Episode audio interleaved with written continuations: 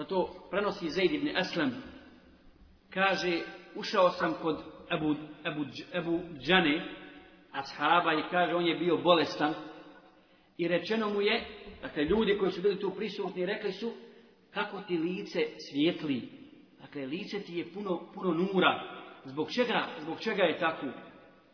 Kaže Abu Džana u, u svojoj bolesti, radijallahu ta'ala, kaj ni jedno djelo kod mene nije bilo vrijednije i teže od dvoje. Pazite, ni jedno djelo kod mene nije bilo teže ni vrijednije od dvoje. Prvo, nisam govorio nikada o onome što me se ne tiče. I drugo, moje srce je bilo čisto u pogledu muslimana. Moje srce je bilo čisto u pogledu svih, svih muslimana. Zatim, Sufjan ibn Dinar je pitao jednog Alinog druga, E, reci mi o onih prije nas. Kakva su bila njihova djela? Zbog čega su dostigli takav stepen? Takav stepen i zbog čega i Allah Želešanuhu pohvaljuje, pohvaljuje u Kur'anu. Kaže ovaj čovjek, radili su lahka djela, a dobijali su veliku nagradu zbog toga. Pa kaže, zašto? Zbog čega tu? Kaj zbog čistoće njihovih praca u odnosu na druge, na druge muslimane. I ne smijemo dakle dozvoliti šeitanu da posije smutnju među muslimanima. Među muslimanima. A da bi se odbranili od njega, da bi se odbranili od njega, moramo koristiti nekoliko stvari, nekoliko metoda koje ja želim preporučiti svima nama, inša Allah, večeras. Prvo, to je dova.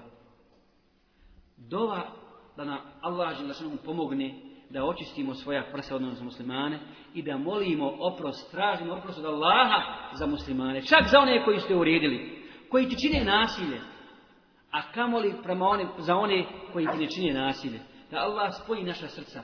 Kad je neko od nas ustao, kad je neko od nas ustao na noći namazi, molio Allaha, ne samo za sebe i za svoju porodicu, nego za nekog brata muslimana s kojim se on druži. S kojim se on druži koga posjećuje, koga voli ima Allaha Đalešanu. Koga voli ima Allaha, a mi znamo kako će mjesto imati takvi, takvi na sudnjem danu. Ahmed ibn Hanbel, odnosno, je molio za Šafiju, i ša, imam Šafi molio za Ahmed ibn Hanbela. I kaže njegov sin, sin Ahmed ibn Hanbela, nikad moj otac nije ustano noći namazi molio i upućivo dovu Allaha da nije spomenuo Šafiju. Ili kaže Buhanife, rahmetullahi alaihi, jer ja nikad nisam molio tako mi Allaha, nikad nisam molio za oprost svojim roditeljima Allaha Đelešanuhu, a da nisam molio i za svog šeha, za svog učitelja Hamada ibn Abi Sulejmana. Dakle, imamo li mi takav spisak, spisak ljudi, braće ili sestara za koje mi molimo Allaha Đelešanuhu da im podari hajr, da nas udruži na dobru i da nas usmrti, usmrti na istinu. Zatim, Natjec, mi smo svi još govorili o tome, natjecanje u dobru. To je ono što će nas udaljiti od praznih priča, jelovih diskusija, sjela i rasprava. Natjecanje u dobru.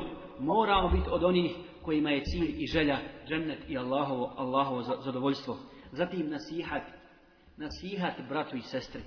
Mi, meni se čini, mi ovo, ovaj nasihat nismo dobro razumjeli. Mi često puta nećemo da nasihatimo brata, brata ili sestru zbog čega? Da nam se ne bi zamjerio da nam se ne bi... Znamo za neku lošu stvar kod njega.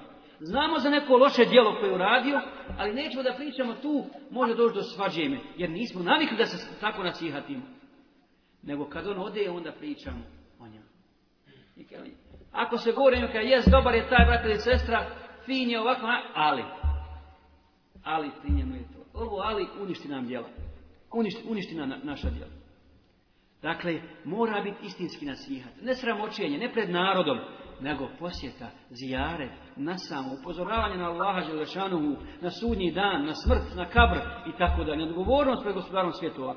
To smo dužni, vallahi. Dužni i za ashabi su beju udavali, između ostalog poslaniku na to.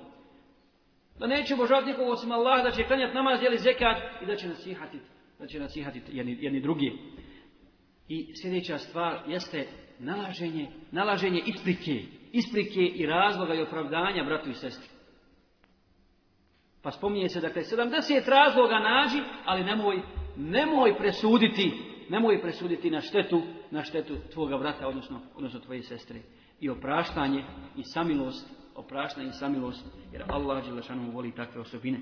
Zato Allah Đelešanu molimo, dakle, ovom, na ovom časnom mjestu, u ovoj noći i ovoj halki zikra, da nas okupi oko Kur'ana i sunneta, da nas ujedini u jedan saf, da nas okupi oko tevhida, da nas učini samilosnim prema muslimanima, a ponosnim prema nevjernicima. I Allaha molimo da pomogne našu braću muslimane na svakom mjestu, da ubrza pobjedu svoje istine, da nam oprosti grijeh, da nas uvede u džennet.